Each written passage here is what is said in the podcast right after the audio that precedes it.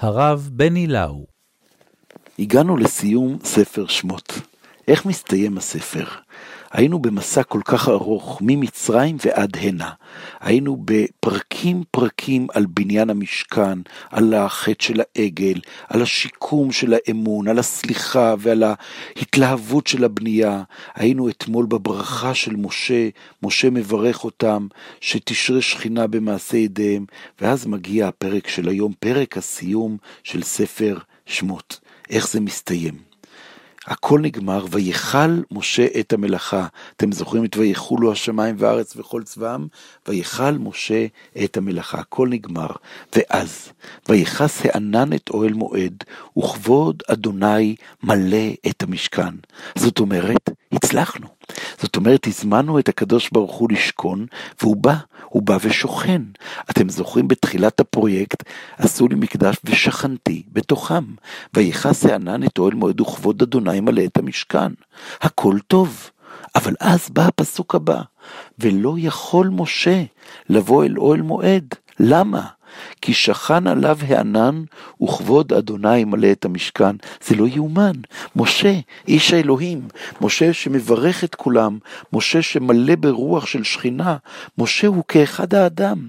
כולם בחוץ והשכינה בפנים. הענן מכסה את אוהל מועד כי כבוד השם בפנים, מלא את המשכן, וכל בני אנוש, כל בני האדם בחוץ, ומשה בכללם, לא יכול לבוא אל אוהל מועד.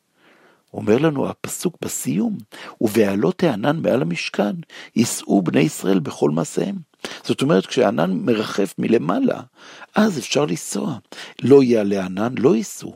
ענן אדוני על המשכן יומם, ואש תהיה לילה בו, לעיני כל בית ישראל בכל מעשיהם. ככה יסתיים הפרק. אתה מסיים את הפרק ואתה אומר, וואו, איך מסיימים ספר? מסיימים אותו בשכינה שורה, ומשה בחוץ, משה לא בפנים. הדבר הזה הוא כל כך מרתק. הוא ממלא אותנו במחשבות רבות על משה איש אלוהים ומשה האדם. הסיום הזה של כבוד השם מלא את המשכן, שענן השם על המשכן יומם ואש תהיה לילה בכל מעשיהם, הם יודעים כל הזמן יש שכינה או אין שכינה.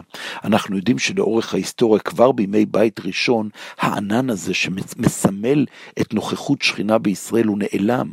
הפעם האחרונה, אם תסתכלו בתנ"ך, שבו נזכר הענן שממלא את, ה, את המשכן או את המקדש בתפילת שלמה. בתפילת שלמה בספר מלכים א' פרק ח', הענן מלא את בית השם ולא יכלו הכהנים לעמוד לשרת מפני הענן כי מלא כבוד השם את בית השם. ממש כמו שמשה חווה את הלא יכול משה לבוא, כך הכהנים לא יכלו לעמוד לשרת כי הכל מלא ברוח בכבוד השם. בישעיהו בן אמוץ אנחנו זוכרים בפרק ו', קדוש קדוש קדוש השם צבאות מלוא כל הארץ כבודו, וינועו אמות הסיפים מכל הקורא והבית ימלא עשן. יש איזה דימוי כזה של העשן. אבל מתישהו זה מסתלק, ומתישהו אנחנו מת, מתפללים אל איזושהי תפיסה של מלוא כל הארץ כבודו, שהשכינה תמלא את הארץ, ולא רק את המקדש. בתוך הדבר הזה אני רוצה לייחד את המילים האחרונות אל משה. משה בחוץ, בגלל שמשה הוא אדם.